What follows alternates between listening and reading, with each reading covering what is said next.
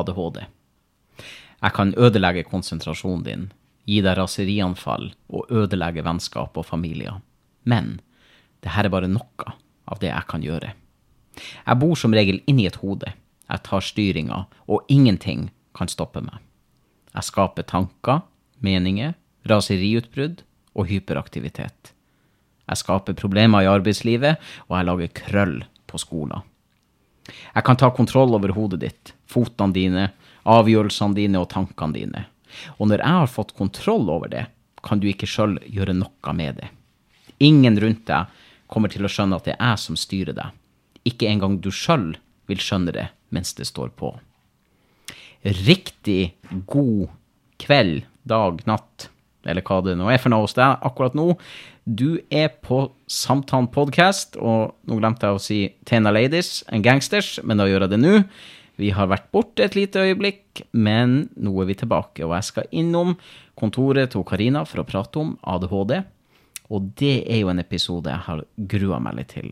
Fordi at eh, jeg er litt redd for å tråkke folk på tærne når jeg snakker om det her temaet. For det angår eh, ganske mange rundt i Norges land. Ca. 42 000 mennesker i Norge har diagnosen ADHD. Og det er jo store mørketall, det vet vi jo. Jeg tror jo kanskje at det er kanskje det firedoble, femdoble dob dobbelte av 42 000 som går rundt hver dag med denne diagnosen. Um, og vi får se om vi blir litt klokere på det i dag. Hello, Karina. Hei, hei. Godt å se deg igjen. ja, i like måte. Ja, herregud, nå um, har det vært to uker Ja. hvor jeg har fått uh, litt sånn uh, her og der litt kommentarer på at er det bare slutt på den podkasten deres? Blir det ikke noe mer? Ja. Ja. Folk har sittet faktisk og venta litt. ja. Det syns jeg er litt hyggelig. Ja, det er jo kjempefint, da. Ja. Og så er det litt sånn at livet skjer. Så det Ja. ja. Det er ikke alltid at det går som en ønske. Nei, og for meg nå så For det er jo min feil. For du har jo vært klar, men jeg har ikke det. Jeg kom jo fra Nord-Norge. Det var vel sist jeg var her, da var akkurat kommet tilbake igjen. Ja. Og så har det blitt en svær, enorm vannlekkasje i leiligheter som jeg skal selge. Det er jo der vi har bodd, så vi overtok jo huset tidligere enn vi skulle. Og vi står jo midt oppe i bryllupsplanlegging. Og det har Ja. vært så mye at jeg, jeg var helt uh, utmatta, Ja. for å si det rett ut. I tillegg så skulle jeg gjøre noen forestillinger oppi alt det her, og um, ja. Mange ting har ikke blitt som jeg har planlagt. Nei. Så derfor har jeg vært borte. Men nå er jeg tilbake. Ja. Jeg er full av energi. Så bra. Ja, og det går jo mot jul, og det, det er jo jeg veldig glad i, og sånt nå. Men det gjør også at jeg får til Jeg vet at jeg går inn i ei tid nå, i desember og jul og sånn, hvor det eneste jeg gjør, er å lade batteriene til Ja. nyttår igjen. Ja. Så til alle som har um, vært litt irritert, nå er vi nå her. Og i dag skal vi jo snakke om ADHD. ja. Ja. Kan du mye om det? Nei, altså jeg kan jo litt om det, og det eh, mesteparten av det jeg kan om det, har jeg lest i boka di. Sier du det? Ja. Lærte du noe? Ja. Ok, så bra. Jeg har med meg boka, han rett foran meg, og før du kom inn her nå, så, så har jeg bare lest bitte lite grann om ADHD for at folk skulle få ehm, Ja, bare, bare som en liten intro, da. Mm. Um, vet, du, vet du hva de største kjennetegnene på ADHD er? Mm, ja, det vet jeg jo.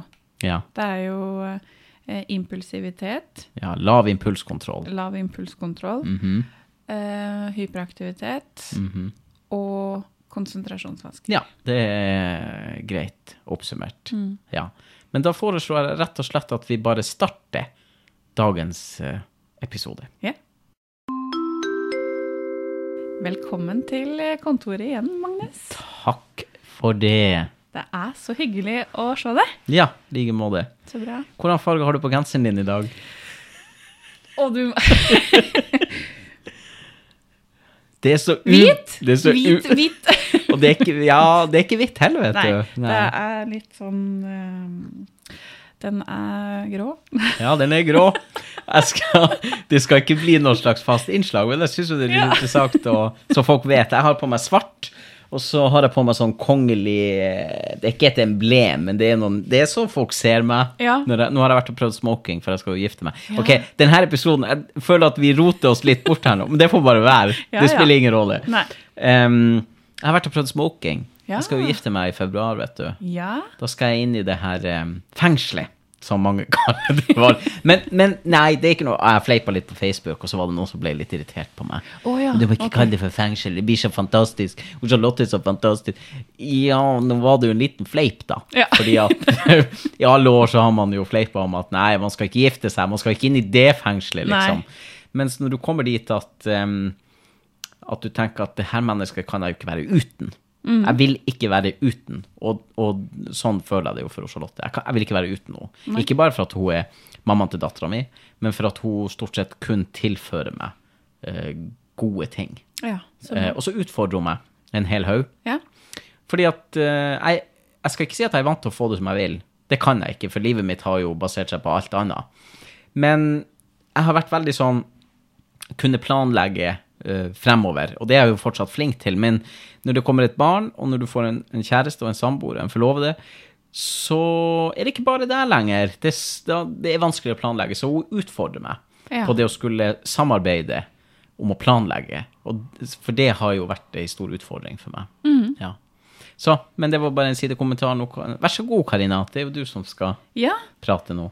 I dag så skal vi jo prate om, eh, om ADHD, og det er jo et tema som jeg ikke kjenner så veldig mye om. Altså, jeg er jo psykiatrisk sykepleier og kognitiv terapeut, men det er ikke så mye å lære om ADHD i Nei. den utdanninga. Uh, har jo jobba, så jeg har jo opplevd å møte folk som har den diagnosen, og vet jo noe, men mesteparten har jeg faktisk lest i boka di Mm. av deg um, kan om det, men jeg syns du har en veldig fin vinkling på det. Mm.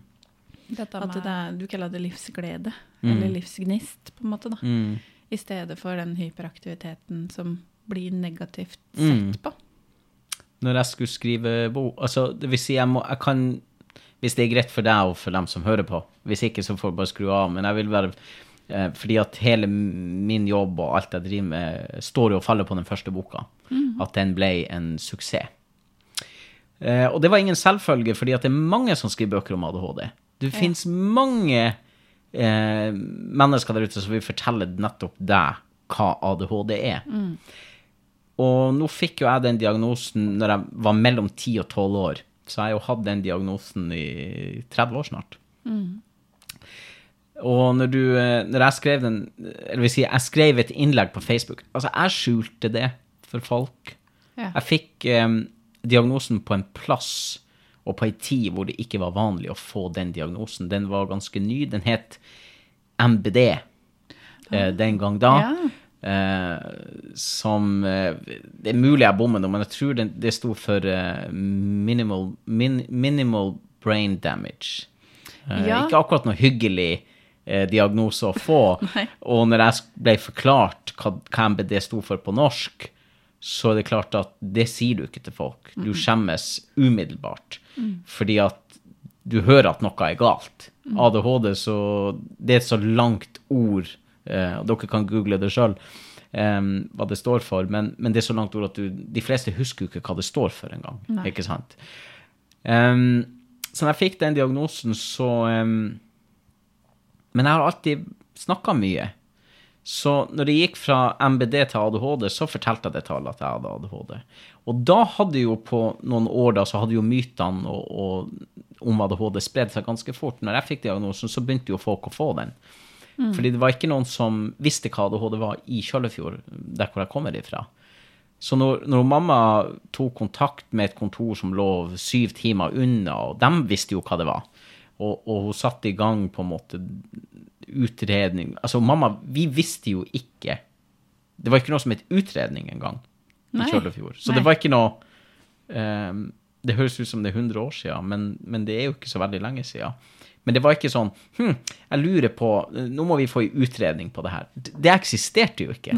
Sant? Og det er nesten litt sånn for meg også som nå er så vant til det, fordi at jeg treffer så jævlig mange som sier det. Ja, nei, vi han er under utredning, eller hun er under tenker jeg. Åh, ja. Det var ikke et alternativ når jeg vokste opp en gang.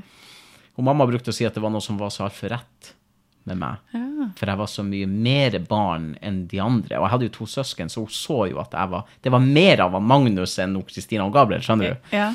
Eh, så heldigvis så fikk hun utredning, eh, som det heter nå, og det var jo en tur med det.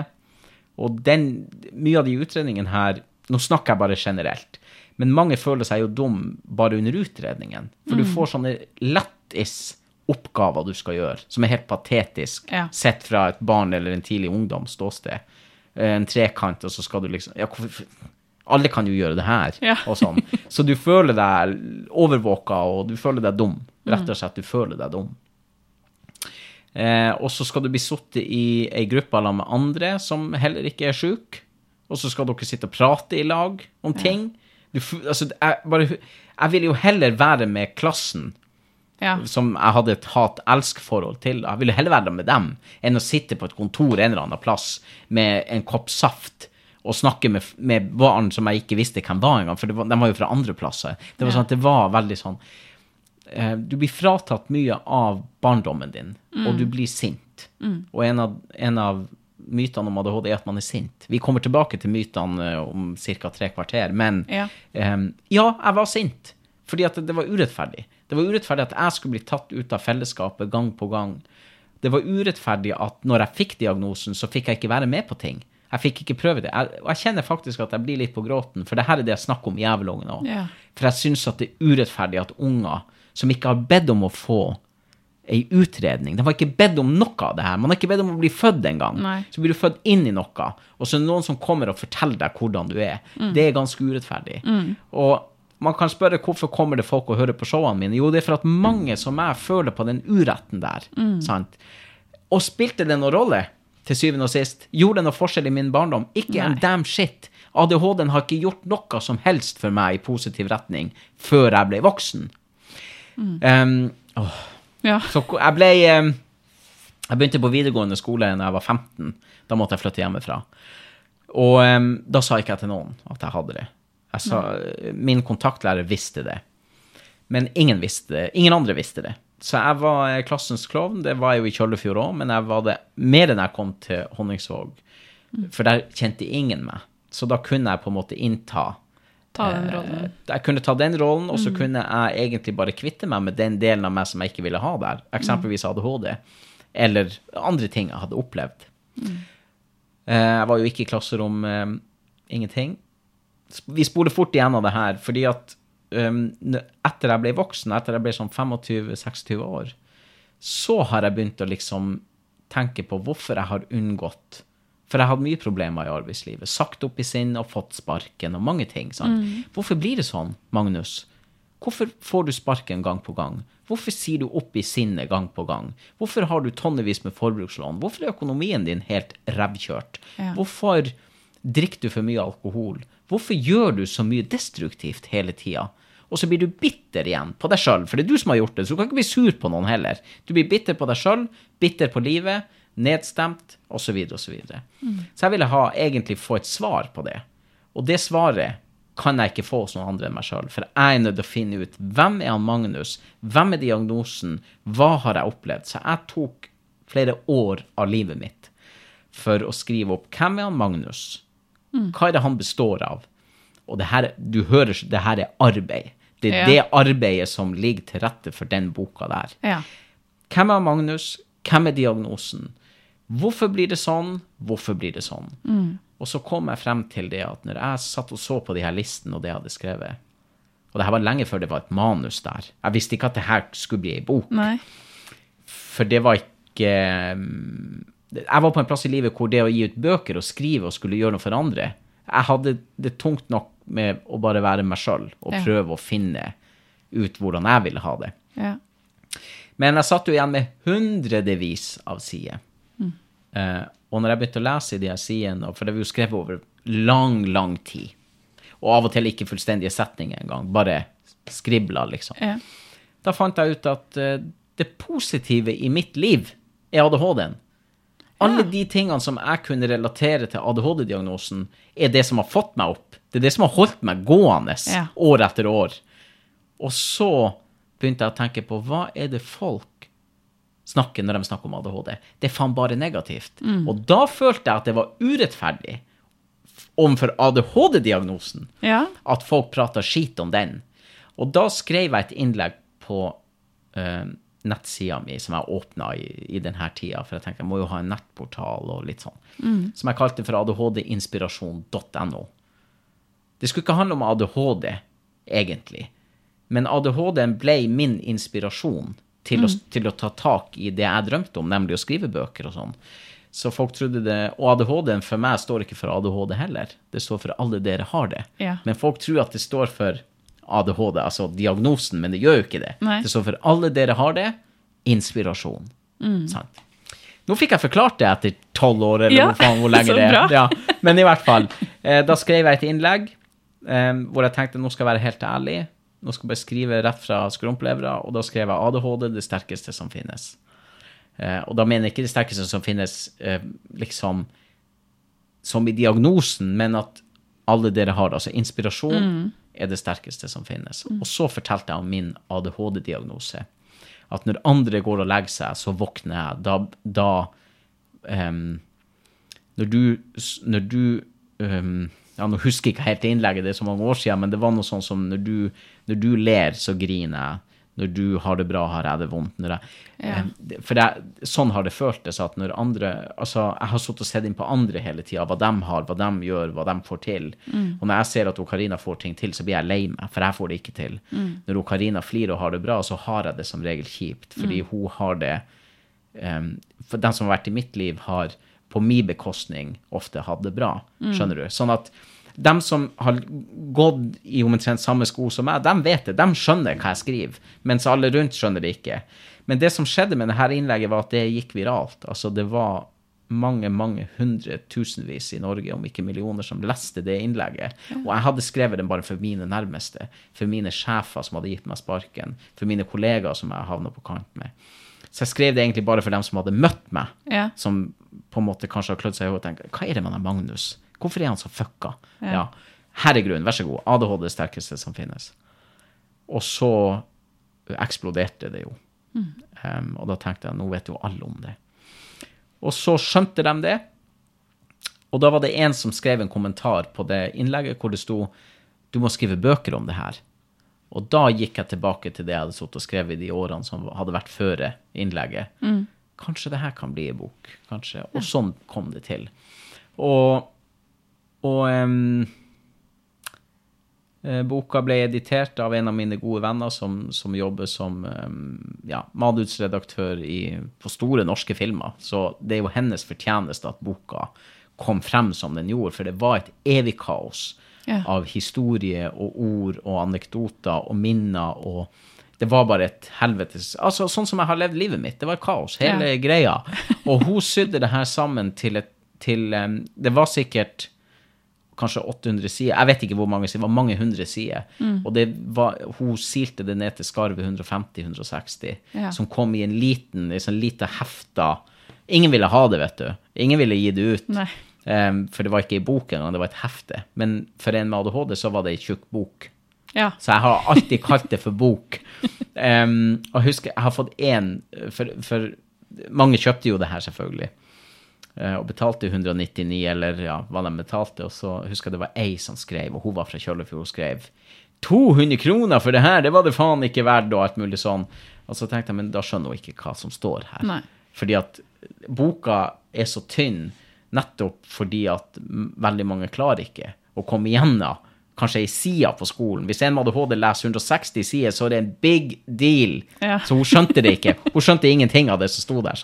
Så, men, eh, men boka gikk bra, og derfor sitter vi her nå på kontoret ditt. Det, alt står og faller på den boka. ja. Så jeg tror at det som folk har latt seg inspirere av, er jo at veldig mange med ADHD, inkludert meg sjøl, jeg har konsentrasjonsproblemer. Alvorlige konsentrasjonsproblemer. Jeg har lese- og skrivevansker. Jeg har lav impulskontroll. Altså, jeg har alle de, og sterk grad. Det merker du ikke så godt på meg, fordi at jeg har funnet plasser og måter å kanalisere alt det her ut på.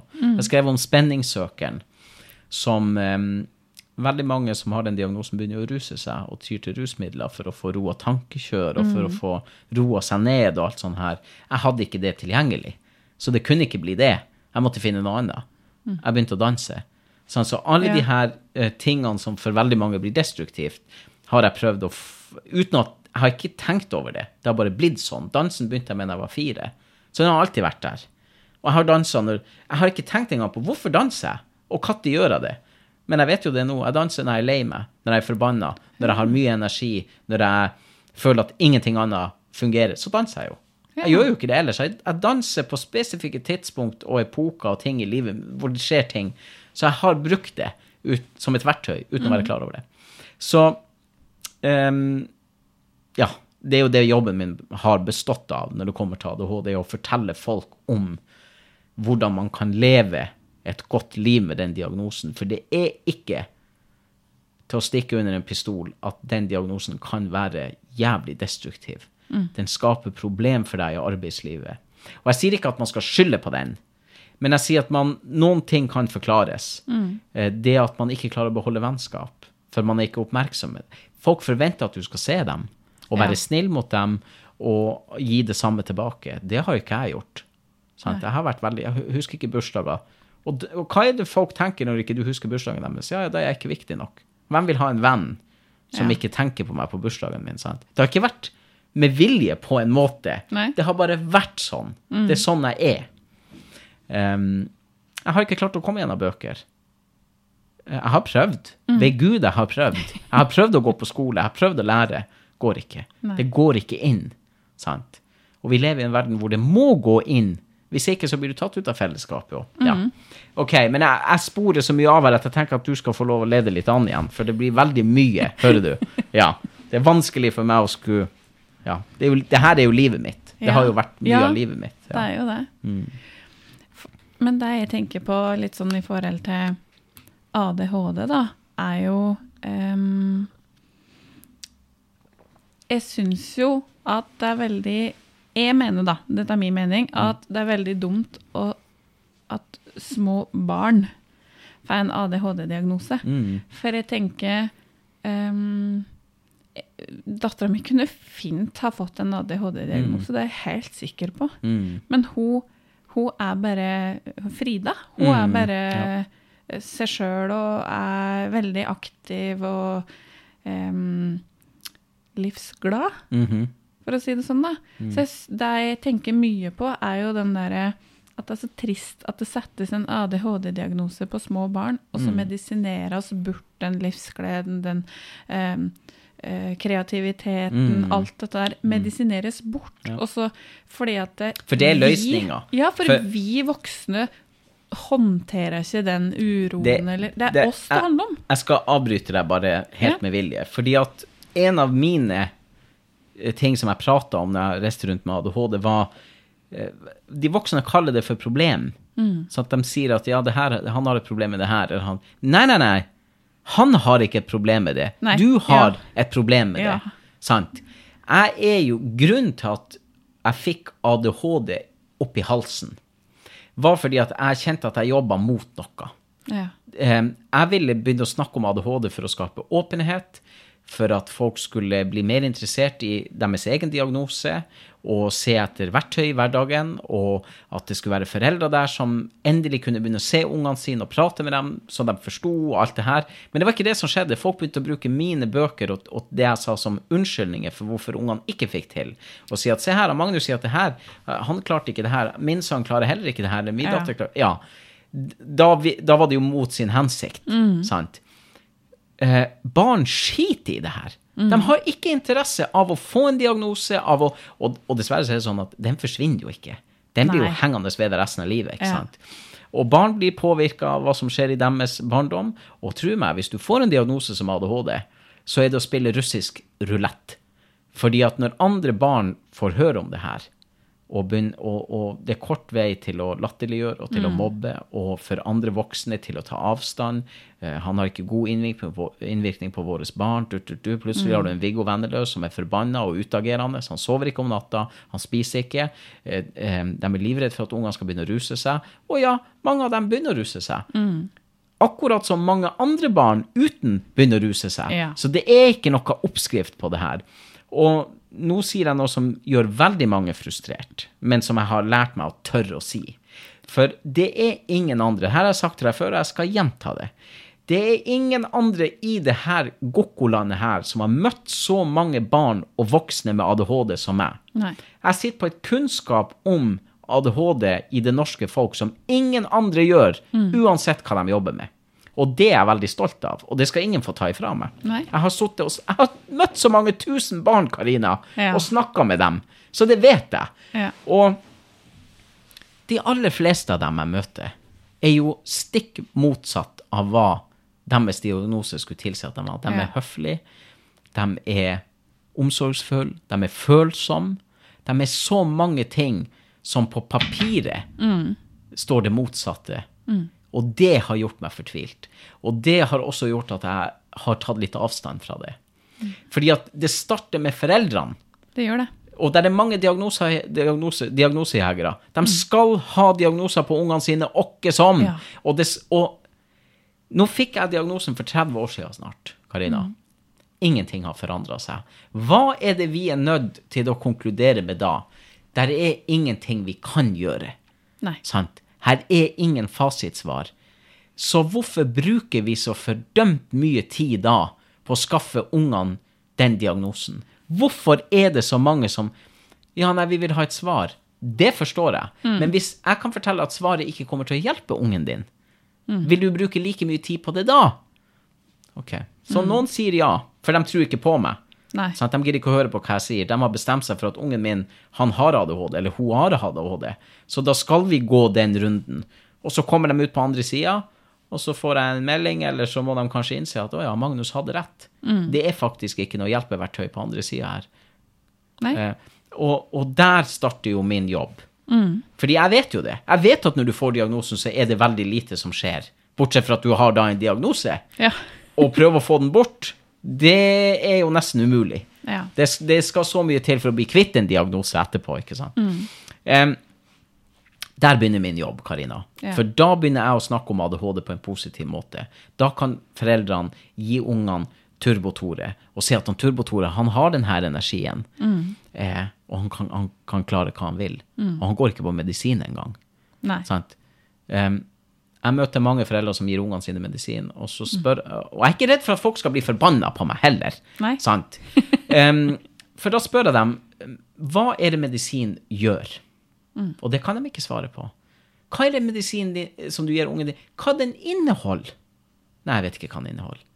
Nei. Hva er langtidseffekten av det? Nei, jeg vet ikke. Ja, men du, gir du ungen din medisin uten å vite? Ja, ok. Jeg er veldig glad at mamma ikke gjorde det. Jeg fikk valget. Ja. Fordi at jeg var veldig tydelig, veldig tidlig på min egen diagnose og fatta interesse for den. Jeg ville vite hva ADHD var. Hva var det jeg hadde for noe som ingen andre hadde? Og mamma prata jo om den på en litt sånn spesiell måte, og det var litt sånn, kanskje litt hemmelighet. Litt sånn. For vi visste jo lite om det. Det var ikke så mye informasjon om ADHD. Så den lille informasjonen vi hadde, var liksom vår hemmelighet også på, oppi alt det her. Mm. Jeg følte meg spesiell. Helt til ADHD eksploderte eh, på ja, tidlig 2000-tallet. Men da var det jo mytene, og Ja. det skal vi snakke om etterpå. Ja. For mytene er, er jo veldig ødeleggende for mange av de her.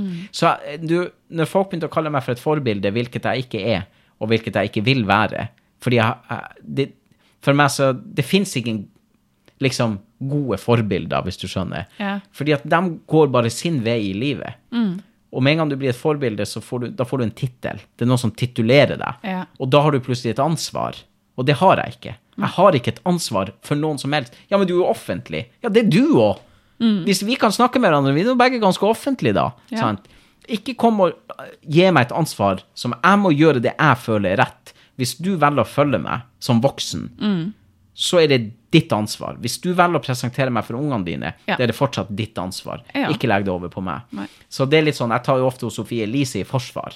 Fordi at eh, folk har hausa henne frem og lest og kjøpt bøkene hennes og holdt på, og plutselig når hun gjør noe som noen ikke liker, så er om du er et forbilde, fy faen for, for dårlig forbilde. Ja. Hun gjør det hun har gjort hele tida. Det, sant? Så, men, um, Nå avsporer jeg igjen. Men eh, jeg er så opptatt av meg sjøl, så jeg liksom Ja. Ja, men det er jo du som er eksperten av oss to her nå som sitter her, så uh, jeg trenger jo å bare stille noen spørsmål om hva jeg lurer på. Så ja kan, det det syns jeg du skal gjøre. Ja. Det kan du gjøre. Så Ja. kan jeg se om jeg har et svar til deg. ja, Ja. ikke sant? Ja. Uh, for det er litt sånn derre uh, Ja, nå blir det jo veldig Det er jo unger, da, som jeg syns at det er veldig trist at Mm. vi eh, medisinerer bort den livsgleden til ungen. Mm. At eh, unger er jo aktive, og de skal få lov til å være det. Mhm. Eh, men så er det også mange I seinere tid så kan en kalle det at noen ganger så opplever jeg at det har blitt litt sånn motediagnoser. Mhm. At eh, alle kommer for å få en ADHD-diagnose, eller jeg tror jeg har en ADHD-diagnose, jeg skulle hatt noen medisiner for det. At det Jeg blir føler meg sånn- litt eh, ansvarlig der. Ok. Fordi at før jeg begynte å jobbe med det her, så var det ingen andre. Nei. ADHD var ikke det. Det, det, det, det er det jeg som har gjort. Ja. Google uh, ADHD, Norge, et eller annet. Det er jeg som kommer øverst. ja. Det, det er ingen andre i det landet her som har gjort ADHD større enn meg. Og jeg har vært med fra starten av. Så jeg har jo sett hva det har gjort. Folk ser hva Sånn er det jo. Hvis du har funnet noe å snakke om, og det har funka, så kommer det jo andre etter deg. Jeg, jeg var en av de aller første som begynte å, å vlogge og lage videoer og tekster om psykisk uhelse i Norge. Jeg var før de fleste andre som er på en måte dem som titulerer seg som influensere i dag. Jeg var lenge før dem. Sant? Og det handler ikke om å skryte. Det handler om jeg, Det var sånn det var. Og jeg var veldig kjapt gikk jeg å være fra, fra ingen til over natta. At folk Fordi at jeg hadde vira, alt jeg gjorde, gikk viralt. Hvis jeg lagde en video, ti yeah. millioner visninger. Den første, altså Jeg laga en video om ADHD i 2013, eller når faen det var, eh, som, som er oversatt til mange forskjellige språk. Som gikk faen meg i hele Europa. Eh, og havna på forsiden i, i Danmark og i Sverige og i Finland. Ble invitert til dansk frokost-TV. Jeg torde ikke. Hadde ikke baller nok. Men eh, eh, det var ingen andre. Sant? Det var jeg som ble invitert på God morgen Norge og på forskjellige talkshow for å prate om ADHD, for det var ingen andre. Og det er egentlig ikke så mange andre heller. Nei. Og når jeg hører andre snakke om ADHD, så hører jeg at de bruker mine setninger og mine ord. Det går rundt sånne tråder om ADHD i Norge, og har gjort det i mange år. Så folk vet ikke at det kommer fra bøkene mine. Nei. Eh, For mitt navn står jo ikke under, men jeg, jeg ser jo hva jeg sjøl har skrevet. Sant? Så, så jeg, det er noe som jeg vet.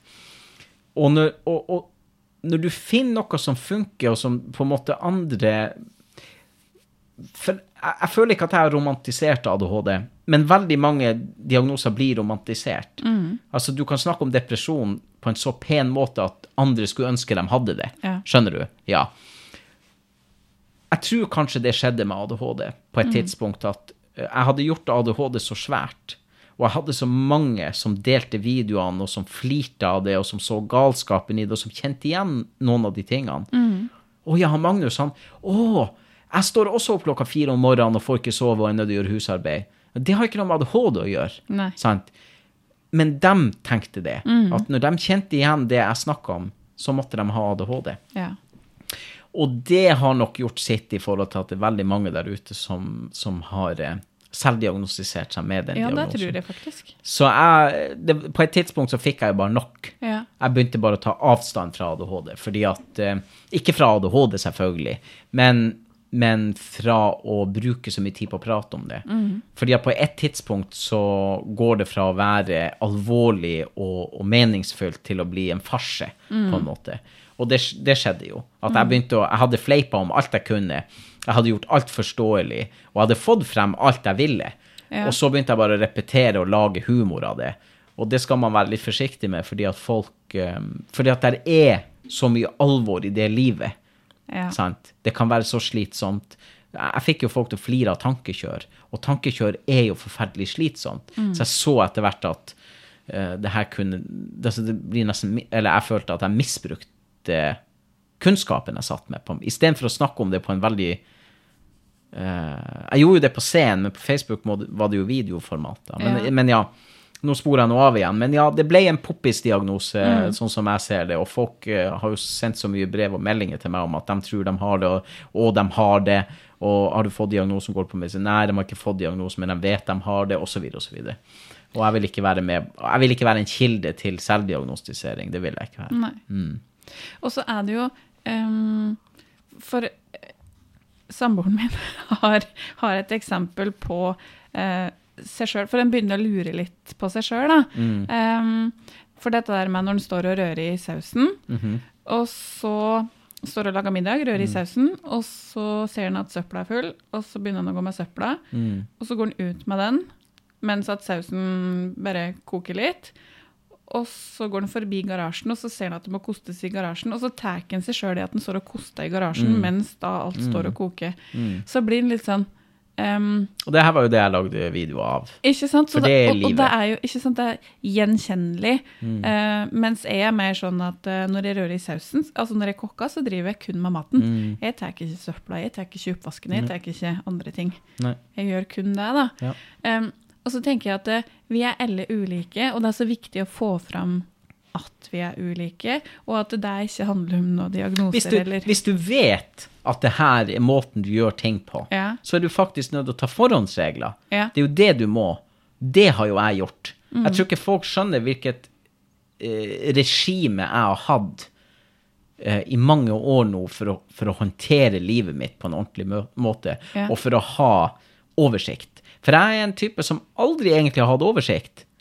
Eh, jeg klarte ikke å holde på den enkleste jobben. Altså, når jeg jobba på Rema, så husker jeg en av, nei, på Kiwi, så, var det, så fikk jeg beskjed om å telle melkekjøler. Så gikk jeg inn på melkekjøla, kom ut, og så sa jeg et tall, kanskje 32, og så går hun inn og teller, og så er det 78. Ja. Hvor er det blitt av de 50 andre jeg har telt? Sant? Så det her er jo, og som voksen, så det er jo ditt ansvar å ikke brenne ned huset for at du går ut med søpla, plutselig så, så du må gjøre ting aktivt for å unngå det. Så jeg har jo levd i et Post-It-helvete i mange år, Ja. hvor det er Post-It-lapp og Post-It-lapp og Post-It-lapp. Altså, jeg er nødt til å advare meg sjøl mot å gjøre ting. Jeg er nødt til å minne Hvis jeg hadde vært sånn som din samboer, som skal lage mat på kjøkkenet, og så, for jeg vet at jeg er sånn, og så går jeg dit, og så går jeg dit. Da hadde jeg satt det opp en sperreteip på kjøkkenet. Jeg had, jo, men, ja, og det høres helt vanvittig ut, men så langt kan jeg la det gå Ja. at jeg er nødt til det. At jeg eh, Nå har jeg ikke hatt sperreteip, for jeg, akkurat det der har han Vi hadde to husbranner i familien. Ikke av meg. Så, så akkurat det med brann og sånn, jeg er veldig nøye på å skru av, og det har jeg kål på, liksom. Ja. Men, jeg, men jeg, det er ikke sikkert det alltid har vært sånn, men jeg, men jeg har gjort mye. Det har skjedd mye faenskap rundt meg, nettopp på det du sier nå, da, at jeg skulle uh, gjø, Det var den enkleste tingen jeg skulle gjøre. Jeg har jo sagt det så fint sjøl, at jeg skulle bare rydde rommet, og så ble det mer rot enn det var i utgangspunktet. Ja. Sånn, for at underveis i ryddinga så oppdaga jeg andre ting som jeg skal fikse på, eller skru Ja. fra hverandre, eller hva faen det er for noe. Og så kommer hun mamma og sier ja, jeg har akkurat rydda rommet, sant? og så ser det ut som et bomba horehus, Ja. som hun brukte å si. Så, så når du som voksen gjør det her, så kan det jo få alvorlige konsekvenser, ikke sant? Men som barn så, så er du fritatt, som vi har snakka om før. Du er fritatt en del ansvar. Ja. For du skal lære det her. Og det er de voksnes ansvar å lære deg det. Og hvis du ikke klarer å lære det, så skal du ikke bli straffa av den grunn. Og, og der kommer jo inn det her med hvorfor skal vi da ha diagnoser på ting? Hvor, hvorfor skal vi? Fordi at det forandrer ikke på så mye. Det eneste det forandrer på, er jo synet barnet har på seg sjøl. Eh, fordi du blir ikke møtt med forståelse, fordi kunnskapen er ikke der. Nei. Ellers hadde ikke jeg hatt en jobb. Sant? Det, du, man kan jo se litt sånn på det òg, at hvis folk hadde skjønt hva ADHD var, og så hadde ikke jeg hatt noe arbeid. Nei. Så jeg er jo veldig glad for at jeg har en jobb å gå til. Ja. sant? Men, men jeg prøver ikke å skaffe forståelse for alle. Jeg prøver bare å, å ska, skaffe forståelse for meg sjøl, og for dem som Sånn som du, du snakker om gubben din nå, så kan jeg kjenne meg igjen i han. Og det er jo veldig godt for meg òg, at andre uh, forteller om hvordan deres liv uh, er, generelt. Jeg trenger ikke å være ADHD inni det engang, men at du Å, det er noen andre som er som meg, ja. Ok, kanskje vi bare er mennesker, da. Ja. Skjønner du hva jeg mener? Ja. Så derfor alle dere har det. Og Ja. ikke ADHD. Alle dere har det. Ja. Vi har følelser. Vi har Ja. Vi har alle skavanker og demoner. Vi har alle ting. Mm. Og eh, dessverre, dessverre må man jo si da, at verden er ikke klar for det. Og mamma hun brukte å si det at hvis du hadde spurt om mamma hva var det verste med å være mammaen til Magnus, Og så trenger ikke hun å tenke lenge, for hun sier hun, det her er det hun svarer til folk da. Det verste med å være mammaen til Magnus var at jeg måtte snakke til han som han var voksen, og til de voksne som de var unger. Ja. Og det er en ganske sår ting. Altså, nå har jeg blitt pappa sjøl. Jeg kan jo ikke forestille meg det enda, men, men at hun, Veslemøy, skal bli behandla dårlig eh, det, det er jo det som er så magisk når du blir pappa, er jo at du er der hele veien. Sant? Fra nå hvor Ja. hun ikke har gjort noe galt. Aldri. Hun har aldri vært frekk mot noen. Hun har aldri, aldri gjort noe galt. Og jeg sier til folk at det er et privilegium å være rundt et menneske som aldri har gjort noen noe vondt. Og nå har jeg skrevet et innlegg på, som kommer i kveld. ja. Fordi at eh, jeg bruker å holde opp foran speilet. Fordi at eh, vi vokser jo opp foran speilet. Jeg gjorde jo òg det. Ja. Og jeg sto jo i speilet og kritiserte meg sjøl mye. Ja. Og fant feil på meg sjøl. Og det her er ikke klisjé, det var det jeg gjorde. I ungdomstida så var det det. Jeg var så mye foran speilet. Ja. Ehm, så jeg holder opp foran speilet, og der står vi og smiler og synger. Og så, hun skal bli vant til at det er en positiv ting å se seg sjøl i speilet. Og det her har vi gjort lenge nå. For vært, det er noen ting som jeg som pappa visste lenge før Veslemøy kom at vi skulle gjøre. Dette var en av de tingene. Og her skrev jeg et innlegg om det. Sant? Det å se seg i speilet. Og nå når du holder henne fremfor et speil, så flirer hun. Ja. Hun syns det er kjempemorsomt. Hun syns ikke det i starten. Da var det skummelt, og da var det Ja. Ja. Men hun koser seg foran speilet. Og det er noe vi alle skal gjøre. sant? For verden står og skriker til oss at vi er dårlige, at vi ikke klarer, at vi ikke kan. at vi ikke... Den, verden gjør det. Det er ikke det at den sier 'Karina, du får ikke', men de snakker om deg. For du kjenner deg igjen i de tingene som blir sagt, og så tar du det inn over deg som om det er om deg. Ja. Sant? Når du leser en bok, hvis du kjenner igjen det som står der, så, begyn- så selv om ikke du er karakteren i boka, så sitter du og føler at du, Du- leser ja. litt om deg sjøl. ja. Akkurat som dem som hører denne podkasten, tror at det er dem vi snakker om. Ja. Det er jo ikke det. De, det sitter folk nå og hører på denne podkasten og blir forbanna, for de tror det er dem vi snakker om. Det er jo ikke det. Og på samme måte vil hun Veslemøy når hun vokser opp, se på reklamer, se på andre, og tro at det er hun det handler om. Sant? Um, og hun skal aldri måtte stå i speilet og, og le, liksom finne feil som hun har hørt om noen der ute, og tenke at det er om henne sjøl. For det var det jeg gjorde. Jeg satt og sammenligna meg konstant med andre. Ja. Og, å, fy faen hvor mye tid jeg har brukt på å sitte og pirke på meg sjøl og finne ut hvorfor jeg er sånn, og, og, ingen, kan, og ingen kan bli forelska. Jeg husker jeg hadde tannregulering. vet Du satt og studerte en tannregulering og syntes at det var det verste i verden. Jeg kunne ikke ta det av engang. Altså, så, så um, ja, det var noen, bare en sidekommentar. Men ja, når du får også snakk om diagnoser her, så så er det ofte at da er det noe som feiler meg. Når du får en diagnose som barn, så er det da Å nei, da er det noe som feiler meg. Og det, veien er kort derifra til speilet, for å si det sånn. Så mm. Og så handler det jo mer om å se Dette har vi pratet om tidligere i podkast òg. Dette med å se bak atferden. For atferden er bare et symptom på em, et udekt behov og noen følelser som ligger bak der. Det er så viktig å heller um, som voksen da, til et barn undre seg over hva handler dette egentlig om. Mm. I stedet for å Uff, hun er så urolig, hun er så aktiv, og det er sikkert ADHD. Eller eh, er så ukonsentrert eller hyper og alt dette der. Men hva ligger bak det? Og det er å prøve å møte det behovet som ligger der, da. Mm. Det er det jeg jobber med nå. Ja. Ja. Nå, alt, alt du sier, tar jeg inn over meg sjøl, og jeg, hører jo, jeg, jeg gjør det jo sjøl òg. Men, men det er jo det jeg prøver å gjøre nå, er at jeg gjør folk mer interessert i deres eget liv og den de er, sant? og hva de gjør. Em, det var ikke før Jeg skulle ønske jeg begynte med det for mange år siden, for da kunne livet mitt ha kommet på rett spor mye tidligere enn det det gjorde. Jeg har tapt mange mange år av livet mitt. Også i jobben med den første boka tapte jeg mye tid som jeg skulle ha det fint. Kanskje jeg skulle fått et barn allerede da. Sant? Ja. Men var, det var en lang vei. Det er en lang vei å gå. Det er en lang vei når du har levd hele livet ditt, eller kanskje de 20 første årene av livet ditt, med dårlig selvtillit, med verbal eller fysisk eh, vold eller overgrep, masse ting, og så plutselig så du, Det er ikke sånn at du, å, når jeg blir voksen, at ting blir bra. Tvert imot. Da begynner du å skjønne hva du har mista. Ja. Og da er det en svær jobb å finne tilbake til den du var en gang. Så det var jo det jeg gjorde, egentlig, var å omfavne ADHD-en igjen. Og la den få fritt utløp i meg. Og endelig skulle kunne liksom slå ut armene og si hei, så, Vet du hva, Karina? Det er mulig du har skjønt det, men jeg har ADHD. Du, sant? Og, og begynte å presentere meg og si at hei, jeg heter Magnus, jeg har ADHD. Jeg gjorde det overalt hvor jeg kom. Sa bare med en gang at jeg hadde ADHD, bare for å akklimatisere eller, Ja, eller bli ja. kvitt den her med at For når folk snakka om ADHD, så lot jeg som jeg ikke visste hva det var.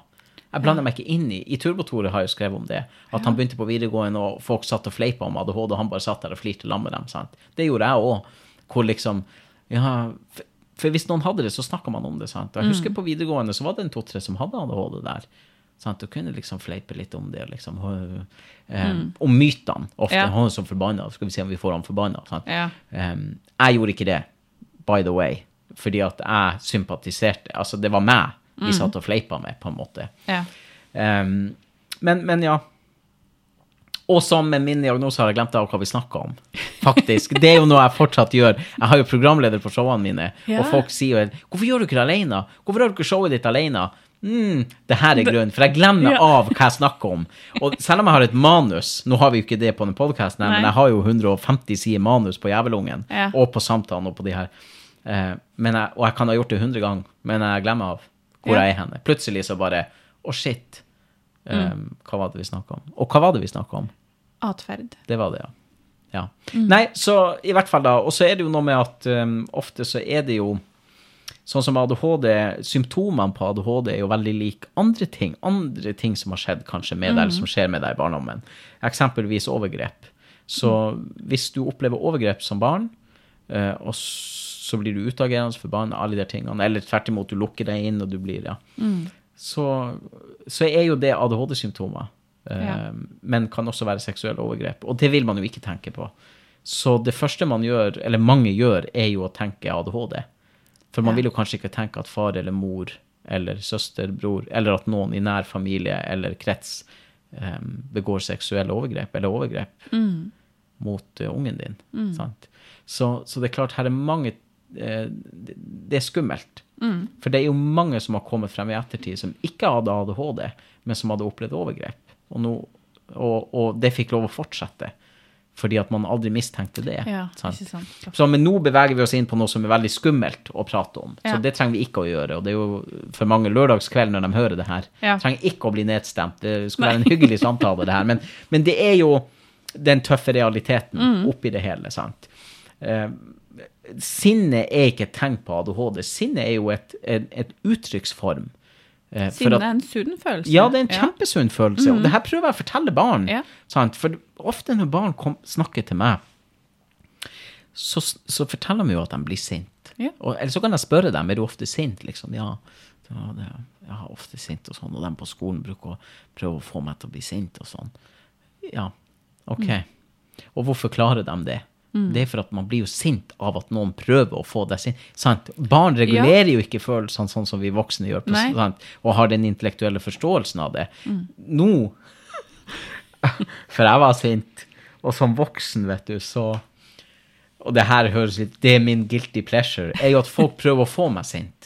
Ja. Ved å være herselig mot meg på, på sosiale medier, eller hvor det er for noe. Ja. Jeg hadde jo fått noen brev i postkassa, vet du. Ja. Noen som har sittet en eller annen plass i Norge og tatt seg tid til å høre på alt jeg har sagt. Lest alt jeg har gjort, eller i hvert fall har jo vedkommende Det er jo ei dame, da. Og vi og, Ja, samme det.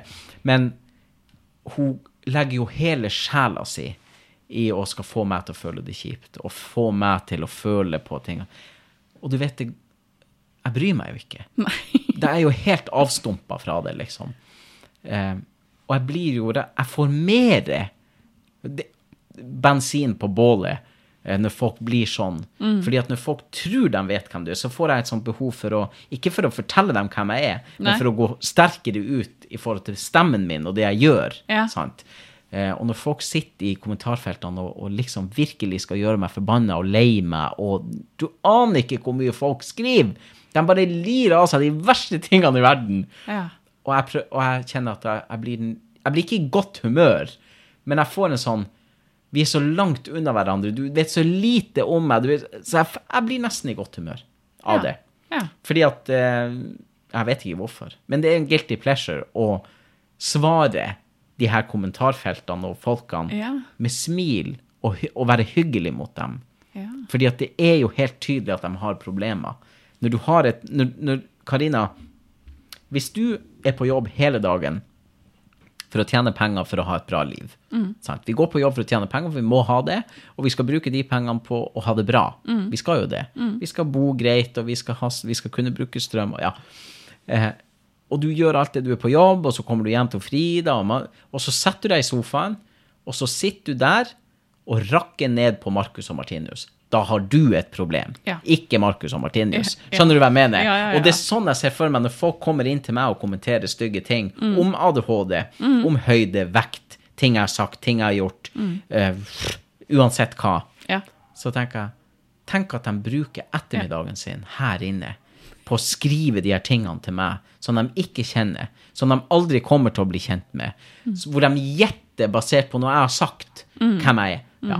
Så, så, ja. Da er det min- dem som har et problem, da. og så blokkerer jeg dem, vet du. Ja. Og det er jo en enda bedre følelse. Det er akkurat som jeg eh, bare luker ut det norske folk som jeg ikke vil ha noe med å gjøre. Ja. Og det er også en veldig befriende. Når jeg kan blokkere noen, jeg blir så glad av det, for jeg vet at nå får de aldri mer det.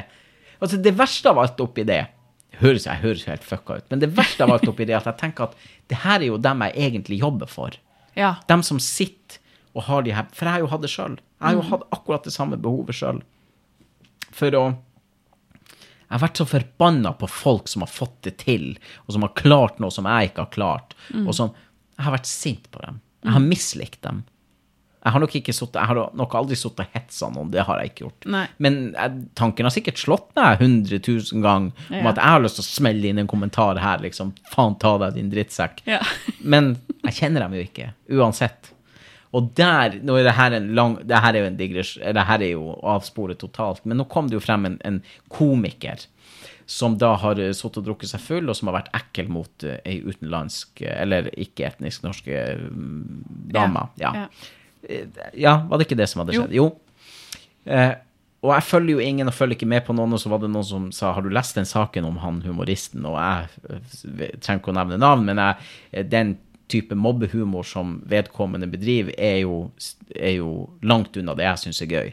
Når du må hetse andre, når du må sitte og være forbanna på folk du ikke Altså på enkeltpersoner der ute, og du er litt sånn moralens vokter, og så er du rasistisk og fysisk med et menneske på byen, og så blir folk sjokkert over det, så tenker jeg at det er det jeg prøver å jobbe med. Ja. Altså, du kjenner ikke dem du sitter og ser på TV og hører på radio, eller, på, eller her på podkasten. Du kjenner ikke dem. Du får en liten tilgang på å høre hva de prater om, eller hva det er for noe. Um, men du vet ingenting om dem. Og alle har noe. Og da hadde jo vedkommende som hadde gjort det her, hadde jo skrevet en beklagelse. Beklager at vedkommende møtte en full komiker på byen. Det er jo ingenting av det her som er artig. Hvorfor drar du Nei. inn ordet komiker? Ehm, altså, ta ansvar Ja. for det du har gjort, og så revurdere ditt eget forhold til alkohol. Jeg vet jo at jeg responderer dårlig på alkohol, derfor drikker jeg jo lite. Um, og drikker jo ikke brennevin. Jeg kan jo ikke drikke brennevin. Så det er noe med å ta forhåndsregler. Men det her var bare en avsporing. Men du kjenner ikke dem. Det var det, var det som var poenget. Ja. Selv om når folk kommer inn og snakker om ADHD til meg, for de tror de kjenner meg fordi jeg har ADHD. Og det er jo litt av Da er vi inne på det vi snakker om her også, at når barn får diagnosen ADHD, så kommer det voksne inn som på en måte vet hvem de er, vet hvordan de fungerer, vet hva de klarer og ikke klarer. Ja. Det er det som er destruktivt med den diagnosen. Det er ikke det at de har de her symptomene i seg sjøl, men det er det de voksne gjør om til et problem.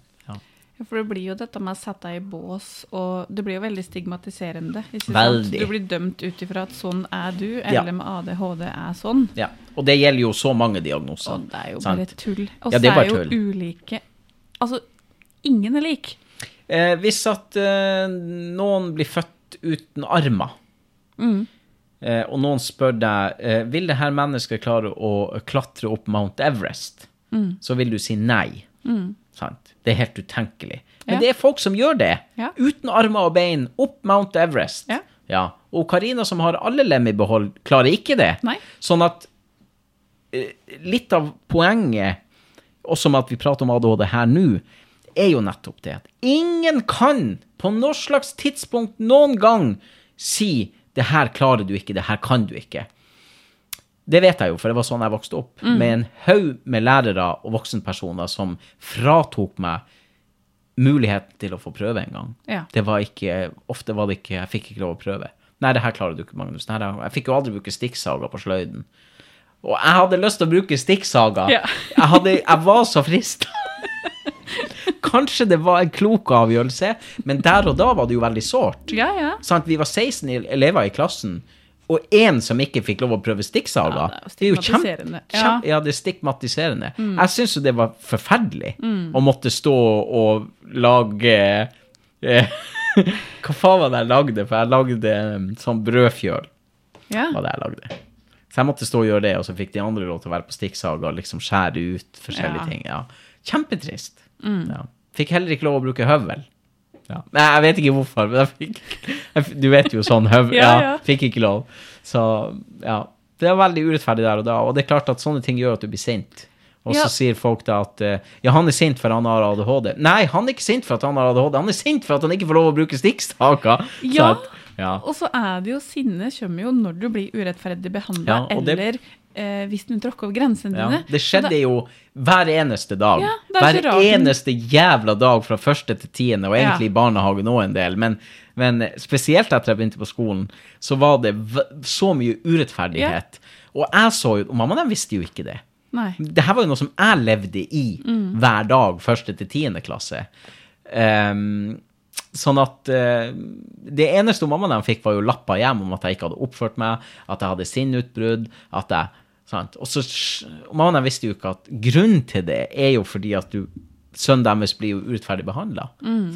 Så, og, og, det her med grenser, ikke sant. Og, Ja. så, så nei, det er jo Og mange har det jo sånn fortsatt.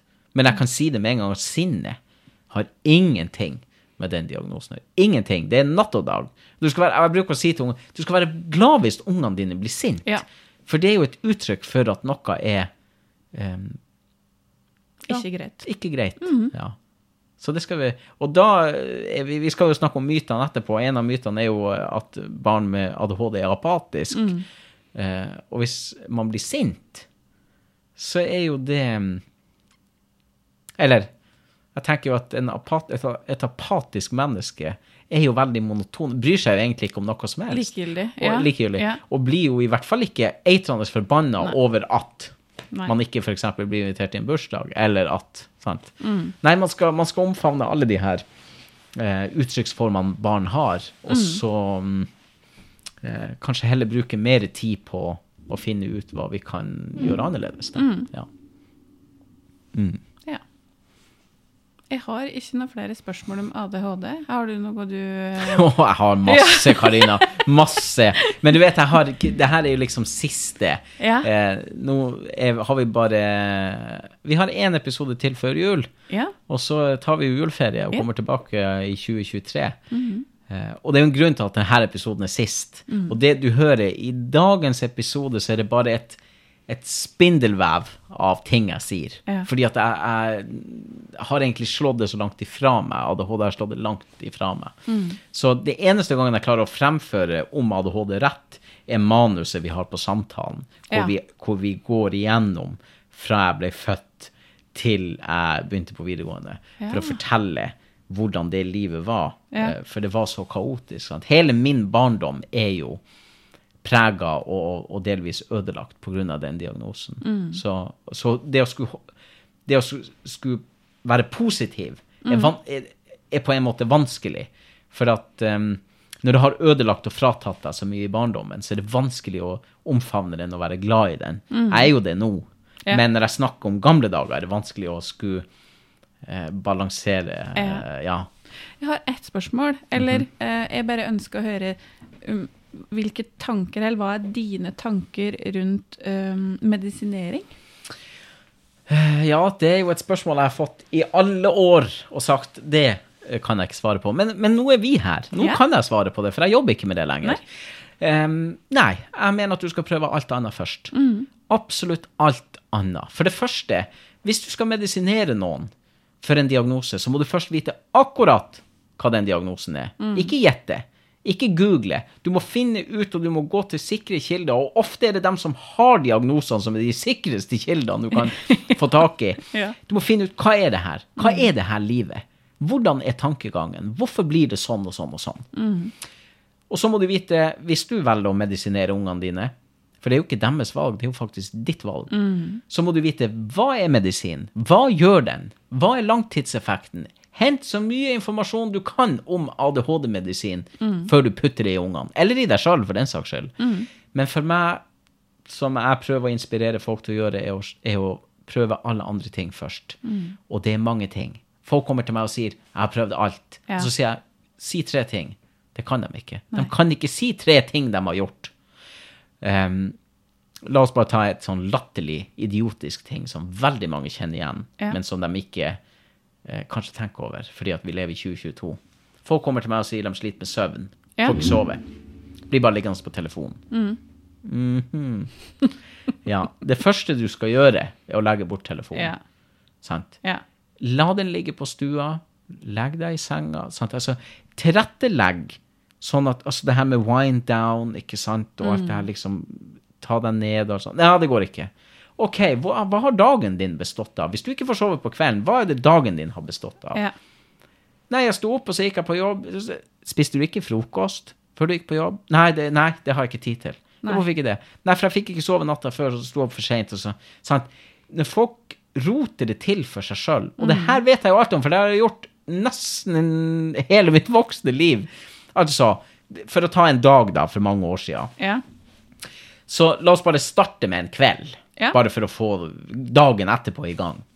Ehm, så er det klart at dagen har bestått av, av eh, lite mat, mye røyk, dutt, dutt, dutt.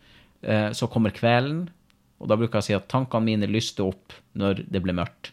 Ja. Så jeg fikk jo ikke sove. Jeg ble jo liggende og gruble og tenke og tenke tilbake på ting og, og um, irritere meg over ting jeg ikke fikk gjort noe med, og, og irritere meg over fargen på veggen og hvorfor lysbryteren ikke var Den er jo kanskje litt Ja, sånn masse ting. Bitte små ting som bare tok all plass. Så når jeg begynte på jobb klokka åtte, da hadde jeg ikke sovet. Og ikke spist frokost. Kommer på jobb, er ukonsentrert, selvfølgelig. Trøtt. Men har masse energi. Masse energi. Eh, forteller ingen på jobb at jeg ikke har sovet eller spist. Jeg begynner å irritere meg over ting de gjør, og de irriterer seg over meg. Så vi havner på clinch. Vi begynner å diskutere. Og når du ikke har sovet og ikke har spist, så har du rimelig kort lunta. Så jeg kunne si ting til dem som såra dem. Kalle dem for stygge ting. Blir innkalt på kontoret til sjefen, og sjefen sier men Magnus, du kan ikke oppføre deg sånn her. Du vet faen ikke hvem jeg er, eller hva jeg opplever. Det her har jeg ikke lyst til å jobbe på. Mister jobben. Ja. Kommer hjem. Overspis. For jeg har ikke spist noe hele dagen. Kanskje siden i går har jeg ikke spist noe. Overspis. Ramler i søvn på sofaen, helt utmatta. Våkner tidlig på kvelden, klar for dagen. Altså, jeg, det, jeg la ikke opp dagen best mulig for meg sjøl. Det var et mønster av destruktive ting, eh, ansvarsfraskrivelse for eget velvære altså, og kosthold. Eh, man må Rutiner. Rutiner, rutiner. Det, ADHD er et liv på rutiner, rett og slett. Og faller jeg litt utfor det, selv i dag faller jeg litt utfor rutinene mine, så kollapser alt jeg har holdt på med. Så jeg har et megastrengt regime på Ja. hvordan jeg skal leve livet mitt. Og derfor nyter jeg ikke så mye alkohol heller, fordi det forstyrrer hele det her. Jeg ser på livet mitt og jobben min og alt som et uh, sånt korthus. Ja. Sånn kort. Det, skal, det skal så lite til. Ja. Og hvis jeg går på byen på en fredag, og det er veldig artig, danse og synge og holde på, ikke sant, og man kan glemme av livet sitt for en stakket stund, Ja. eh, og så våkner jeg morgenen etterpå. Da, har eh, de, da, eh, da står korthuset bare og vingler, altså. Ja. Sånn at eh, positive ting, positive folk, og, de, og rutiner Først rutiner. Folk kommer litt etterpå, faktisk. Ja. Venner og familie kommer litt etterpå. For jeg må sørge for at jeg har en, en ryddig dag. Planlegge. Ja. Um, jeg vet ikke, Har du hørt om denne Maslows behovspyramide? Ja, selvfølgelig. Ja, ikke sant? Mm. Jeg ser for meg litt den, den der du beskriver. Ikke sant? Grunnleggende fysiske behov nederst. Mm. Og så kommer de sosiale behovene, folk etterpå. Um, nei, psykiske behoven, og så sosialt, og så ånd, åndelig Mm. og eh, øverste. Artig at du nevner Maslows, fordi at uh, i, i mange år så var det den jeg dro frem når jeg holdt Ah. foredrag. Ja. For det er jo veldig mange som ikke vet hva det er for noe. Ja. Sant? Og den her går jo på repeat Ja. gjennom hele livet. Sant? Ja. Sånn at uh, hvis man tilrettelegger sin egen dag til sine behov, så er det aldri noen som egentlig kan vippe deg ordentlig av pinnen. For du, har det, du står liksom støtt i Ja. rutinene dine, sant? Og, du, og det er forutsigbart. Og, du, og det, det kommer selvfølgelig ting i livet som gjør at du ikke kan følge den. Ja, ja. Noen går fra deg, eller altså store livsendringer som gjør at du blir Men, men for dere som ikke har hørt om det, kan google Maslows behovspyramide og se om man har det. Mm. Om man har den pyramiden på plass, for den er viktig. Og for et menneske med ADHD som er ukonsentrert, som er um, sant, Jeg har jo hatt over 30 jobber i mitt liv, så vingler litt, ikke sant, og bruker lang tid. Altså, jeg har jo illustrert det så godt sjøl i en av bøkene hvor det er en svær krusedull på ene sida, Ja. og på andre sida så er det en rett strek. Og den rette streken så står det 'den veien de fleste går', Ja. og på den andre står det 'veien jeg går'. Ja. Den er bare veldig kronglete, men jeg havner i mål.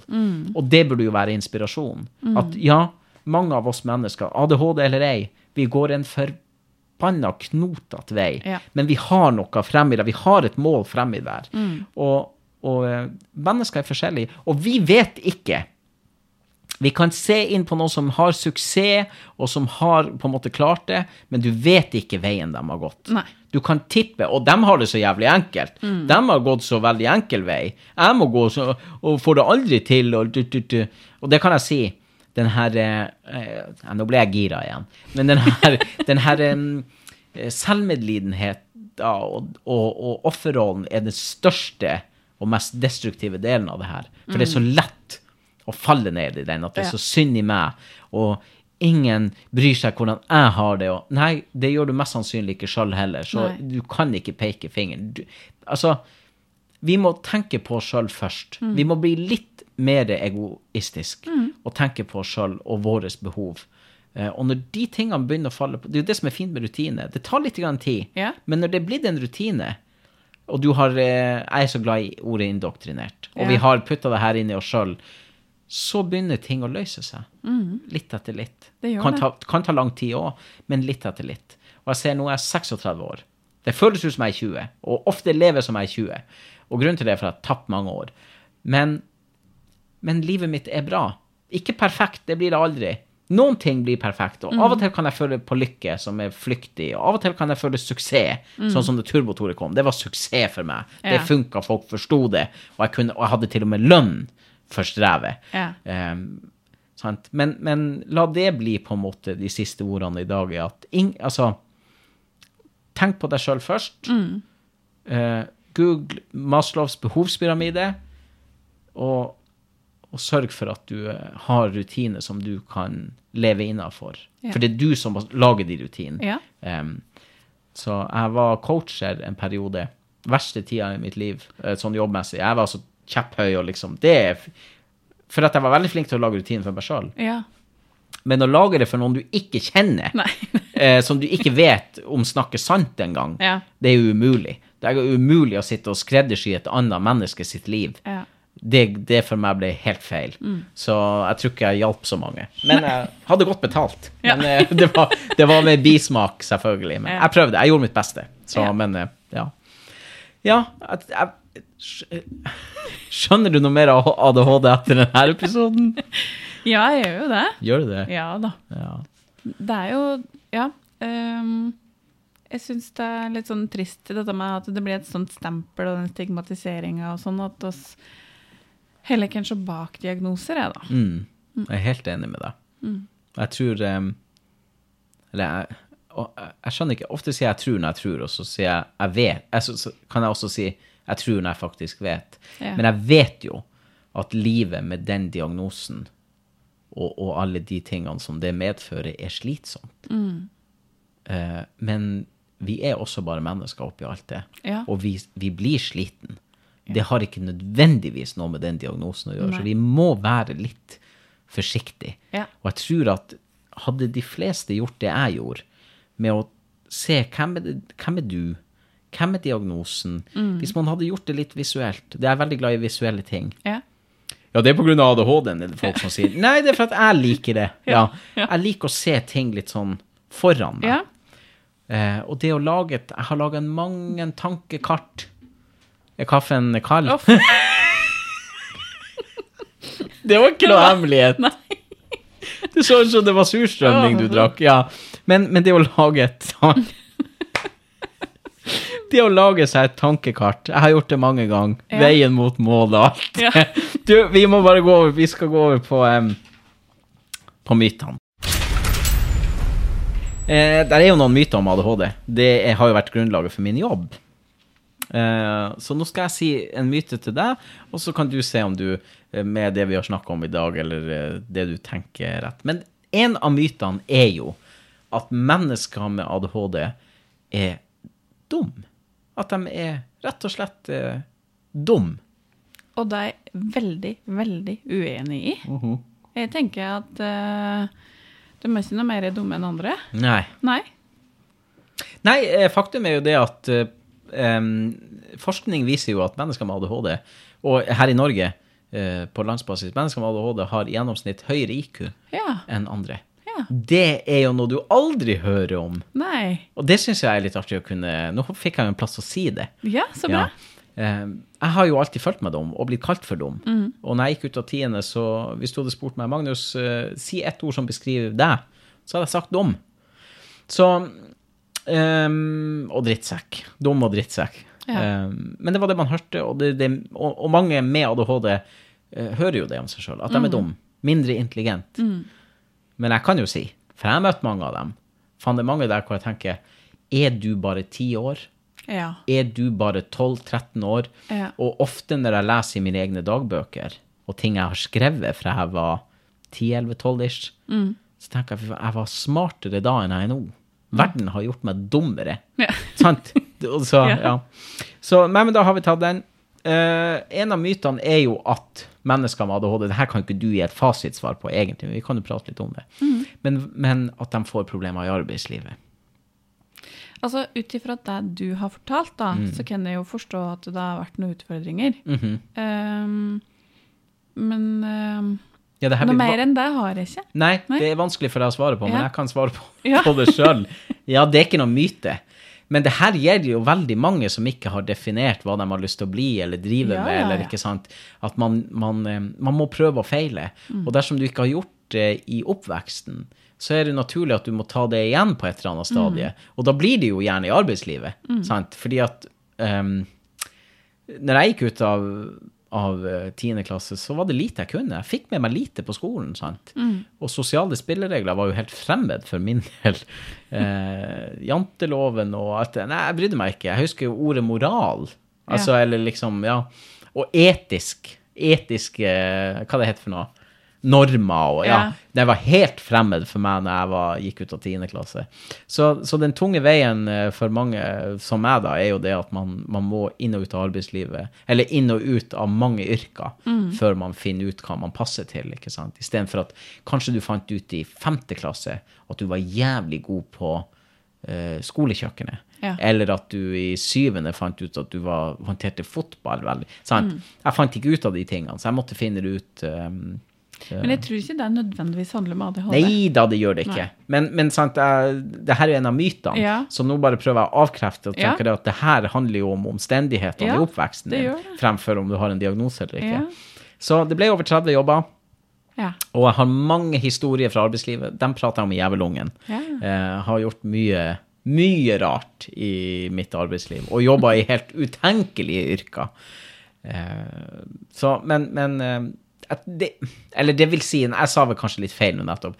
Det kan nok stemme, fordi jeg, jeg har møtt mange med ADHD-voksne som, som har slett i arbeidslivet. Så jeg tenker ikke at det er en myte, men jeg tenker ikke at det er avgjørende om du har den diagnosen. Nei. Men nå, jeg tror at det har ikke så mye med diagnosen å gjøre, men heller de menneskene som du har rundt deg uh, når du vokser opp med den. Ja. Sant?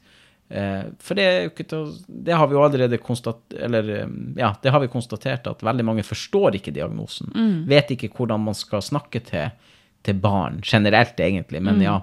Og det, og det krever nok sin lærer å, å være så til stede og så interessert, altså det å ta seg tid til å bli kjent med barna, og, og vite hvordan jeg skal møte dem. Det er jo det det handler om. Um, så. Men, men jeg tror nok at eh, ja, det er, en, det, det er nok ikke en myte, det er nok mange med ADHD som, som har litt kronglete arbeidsliv. Ja. Men trenger ikke å være avgjørende. Nei. Sånn. Um, ja. Har ikke venner. Nei. Jeg tenker jo at det er bare tull. Hun har jo venner, men det er jo noe med litt, som du sa, de sosiale spillereglene og, og, og Jeg vet ikke. Jeg syns det er vanskelig å svare på. Mm. Men Det egentlig så de jeg har møtt med ADHD, har jo venner. Mm. Det her tror jeg nok har vært en lettere om du hadde sitt, sagt de her tingene til Ja, meg. Men, eh, ja, så, men ja, så du får nå bare si hva du mener, eller hva du tenker umiddelbart. Men, men ja, det er nok mange som har problemer med vennskap, Mm. som har denne diagnosen. Det er mitt inntrykk, i hvert fall. Og, det, og jeg kjenner jo det på meg sjøl òg. At jeg har jo løyet mye til folk sant? for å beholde venner, og for å imponere dem, for at de ikke skal forlate meg. ikke sant? Og, Ja. eh, det har alltid vært noe i de her vennskapene som ikke har stemt, og så har jeg blitt alene til slutt. Så mye av livet mitt har jeg jo vært alene, og trives jo best alene. Det er jo litt Ja. sånn et paradoks at du som barn strever etter og, og vennskap og, og beste venner og å ha noen lam med deg og ha et crew og en gjeng og sånn. Og når du blir voksen, så vil du det stikk motsatte. Ja. Fordi at du blir vant til å ikke ha det. Så det er litt ubehagelig å få folk uh, veldig tett på deg. da. Ja. Så, men, men eh, sånn som nå, så har jeg ikke noe problem med det. Men jeg hadde i mange år problemer med å holde på vennskap, med å liksom se dem og omfavne dem og liksom Ja. Det, det, eh, det er ikke før nå, egentlig, etter jeg ble godt voksen, at jeg skjønner at det er viktig for Karina, f.eks., at jeg husker bursdagen hennes. Eller at jeg ser henne, eller kan Eller bare det at jeg spør deg har du det bra, Karina. Det hadde ikke jeg gjort for 15 år siden. Hvis vi var bestevenner eller var gode venner, Ja. har aldri spurt deg hvordan du har det. Ikke for at jeg ikke bryr meg om det, Nei, nei. men fordi at jeg som meg sjøl forventer at du sier noe hvis det ikke er greit. Ja. Skjønner du? Ja. Istedenfor at kanskje du skal være den som Det er en fin gest eller en fin ting å spørre Har du det bra, Karina? Mm. Og det betyr så mye at noen spør deg om det. Så det gjør jeg hele tida nå. Spør Charlotte hver dag. Ja. Nå er jo vi kjærester, men, men det betyr jo like mye da. Ja, ja. Men at eh, Har du det bra? Hvordan går det? Har du sovet godt i natt? Har du har ei lillesøster, hun Elise. Hun er jævla søt. Og veldig til stede. Ja. Hun er sånn ti år, men hun er veldig kunstnerisk. Og jeg, jeg var hjemme for tre år siden, da var hun syv år. Og jeg hadde jo ikke sett henne da siden hun var fire, så jeg har ikke sett henne så mange ganger i oppveksten hennes. Ja. Og så, men så hadde jeg henta henne i barnehagen, og vi var hjemme, og så kommer han pappa hjem fra jobb. Og da var hun Elise syv år. Og vet du hva hun Elise sier til han pappa? nei. Så kommer han opp trappa, så sier hun Elise, har du hatt en fin dag på jobb, pappa? Og, jeg tenk, jeg bare, så ser jeg bort på og bare tenker, og jeg gidder ikke å kommentere det. Nei.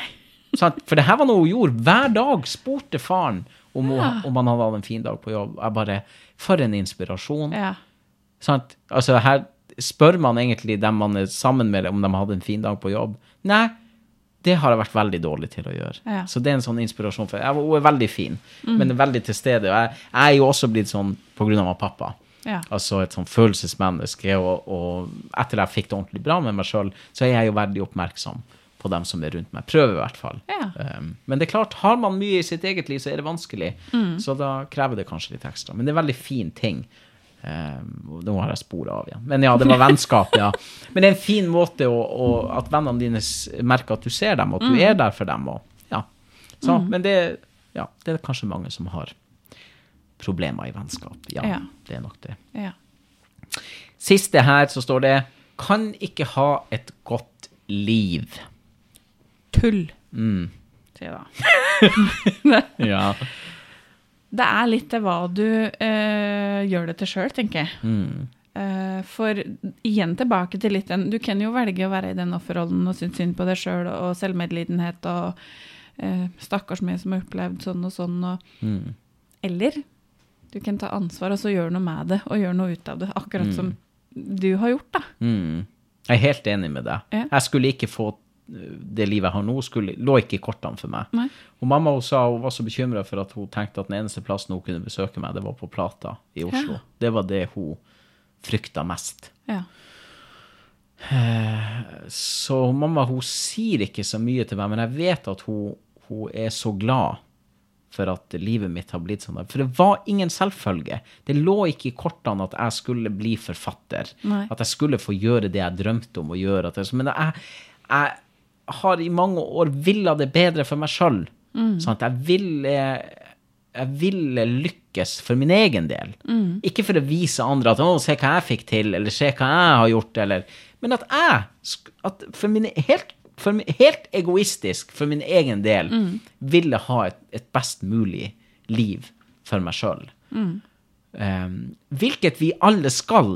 Det skal være Jeg tenker at når du kommer ut av barndommen, Ja. spiller ingen rolle om du ikke har lært o-fag, eller hva Ja. faen det er de har nå. Men det spiller ingen rolle. Ok, mellom meg og Karina, vi snakket om det her før. Skolegangen betyr egentlig ikke en dritt. Nei. Det du lærer, deg, betyr ikke en dritt. Når du går ut av tiende, så er det særs få av de tingene du har lært i timene, som du husker eller har noe nytte av, whatsoever, inkludert blokkfløyta. Det Mm. Ja. du sitter igjen med etter en sånn barndom som jeg har hatt, hvor du føler deg som en idiot, føler, da må du igjen bruke 15 av de neste årene igjen. Da er du 15 når du går ut av tiende. Da har du 15 år hvor du skal rive deg løs ifra det du har opplevd. Sånn skal det ikke være. Når du går ut av tiende, så tenker jeg at det du skal sitte igjen med da, er at nå skal jeg forfølge det jeg har lyst til, og det jeg vil gjøre, og Ja. det, sant? Men for mange har ikke det sånn. Og det gjelder mange av dem med ADHD, for de har faen ikke kjent mestring Nei. frem til de er 15 år. Og da skal de plutselig sjøl være ansvarlig for det. Nei, faen ta! Altså, er det noe de voksne har ansvar for, og som du tar på deg som lærer, som mor eller far, eller hva faen det er for noe, så er det at spiller ikke noen rolle hvor sjuk du er, Karina, spiller ikke noen rolle for en drittdag du har, du skal si til Frida hver eneste dag at det her får hun til, det her klarer hun, så flink du har vært, dut, dut, sant? Fordi at det livet som kommer etterpå, jævelungen, det er det jeg snakker om, livet som kommer etter du er ferdig i 10. klasse, Ja. hvor fucka det blir, og hvor jeg sitter her nå la med deg på kontoret, og fortsatt ikke på en måte har det livet jeg skulle ha hatt hele tida. Men det er det jeg tar tilbake. Skjønner du? Ok, jeg skal konkludere denne episoden med det, for det her var det siste som sto på lappen. Men mytene om ADHD og min diagnose har ødelagt alt for meg. Det er Det er sånn jeg ser på det det hadde, ikke, det hadde ikke trengt å gjort det om kunnskapen om ADHD var bredere. Ja. Om kunnskapen, altså Den jeg leverer nå, med jævelungen, er og sier Karina, hvis du behandler et barn sånn som jeg ble behandla, så må du tørre å stå for det. Du må, du må ta på deg det ansvaret. Når hun Frida, La oss bare ta hun Frida, da. Når Ja. Frida kommer til deg og hun er 30, så sier hun mamma, vær klar over at de tingene du gjorde og sa, eller de tingene du ikke gjorde og ikke sa, har ødelagt mange av mine eh, år som ungdom og tidlig voksen. Og det er de færreste som tør å si 'det ansvaret skal jeg ta'. Så min kunnskap, Karina, den jeg sitter med nå, bøkene mine, det jeg snakker om, reiser rundt og holder og prater om alt det her, det er, det er for å jobbe preventivt. Jeg skal si til deg, Karina, eh, sånn her ble jeg behandla. Det her har det ødelagt. Det her er konsekvensene av voksne folk som ikke gjør det de skal. Hva gjør du nå? Ja. Det er jævelungen. Derfor er jeg fullbooka hele tida. Ja. Må jeg si det igjen, sitte og skryte av meg sjøl. Ja. Nå må du snart be meg holde kjeft. Det blir grenser hvor mye folk gidder å sitte og høre på det her. Men jeg har faktisk en, eh, en liten ting jeg vil dele da. Fordi at eh, jeg har gjort nettopp dette du sier der. Ja. Med hun eldste, som heter Emilie. Eh, for jeg var veldig autoritær. Veldig sånn du skal ha respekt for de voksne, du skal ha sånn, sånn, sånn. Og vært veldig sånn streng. eh, som kanskje har ødelagt mye for henne. Som hun tok opp meg med når hun ble eh, 18-19. Mhm. Eh, der jeg sa unnskyld. Vet du, Jeg har gjort så godt jeg kunne ut ifra mine forutsetninger den gangen. Hadde jeg hatt de forutsetningene jeg har nå, så ville jeg gått tilbake og gjort det annerledes. Mm. Men det kan jeg ikke gjøre. Men jeg prøvde så godt jeg kunne, men jeg veit det var feil for deg, så unnskyld. Mm. Og det har jo gjort at vi har fått et enda nærmere forhold, fordi at uh, mamma har faktisk tatt ansvar for måten hun møtte meg på, Mm. og sagt unnskyld for det. Og da vet jo Emilie at eh, jeg ville jo gjort det annerledes hvis jeg hadde andre forutsetninger, men jeg hadde jo ikke det. Nei. Og det er helt lov. Det er helt lov å si at det her bomma vi på. Sant? Og, at det her, og at intensjonen var veldig god. Ja. Sant? Og, og det skal man ikke ta for gitt at noen sier. Sant? At jeg gjorde det her, jeg gjorde det beste jeg kunne på det tidspunktet. Eh, for hadde jeg tvilt på det, at det hadde betydd noe, så hadde ikke jobben min vært verdt en skit. Sant? For kunnskapen kommer jo med, dessverre, med dem som betaler en pris Ja. for at det ble gjort på den måten. Ja. Sant? Alle som har blitt testa og forska med og alt det her. Um, og jeg er en av dem. Jeg føler at den kunnskapen jeg sitter med, Mm. er livsviktig for noen andre. Sant? Jeg, kunne, jeg bruker å si til folk når jeg kommer på scenen, så sier jeg jeg skulle ikke vært her i kveld. Jeg har ikke lyst til å være her. Nei. Og dere har heller ikke lyst til å være her. sant? Jeg har lyst til å være på Latter. Mm. Men det jeg sitter med, og det jeg skal fortelle dere her i kveld, er for viktig til å stå på Latter og prate skit. Sant? For alle kan få noen til å flire, på en måte. Mm. Ja. da. Ja, men det er ikke alle som sitter med den kunnskapen jeg gjør. Nei. Og den finner du i bøkene mine. Den finner, sant? Og vi alle, og det kan vi konkludere med for tredje gang, Ja. at alle sitter med en kunnskap Ja. som er viktig for noen andre. Derfor er åpenhet viktig. Mm. At uansett hva du sliter med, uansett hva slags opplevelse du har av ADHD, fibromyalgi, whatever, Mm. så er den, det livet du har levd, der er det kunnskap for noen andre. Mm. Så derfor skal vi skape åpenhet, vi skal snakke åpent, og vi skal ikke kritisere folk som velger å gjøre det. For det er jo det som skjer i Norge i dag, er at når noen velger å fortelle sin historie, så får de kritikk. Mm. Ja. Det her er ikke viktig, hvorfor faen prater du om det her? Kan du, eh, du, du skulle ha levd mer sånn. Å ja, da kom du 30 år for sent. Ja. Det her er historia. Ja. Sånn er den. Det er ikke opp til deg å kritisere den. Det var sånn det var. Mm. Sant? Også. Ja. Nei, men Karina, Yes. her var jævlig mye om Ja, veldig lite. Fire bokstaver. Tenk fire Ja, bokstaver. Ja. ja. men det er, det er et viktig tema for mange.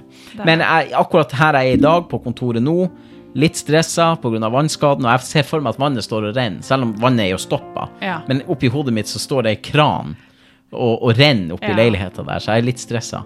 Men um, det var veldig hyggelig å være tilbake. Ja. Og neste episode da skal vi prate om mitt favorittema, Yes. og det er jul. Ja. For det er snart jul. Herre min tid. tenk på det. Vi ses igjen eh, ganske snart, Karina. Og til alle dere andre, tjen Herren med glede.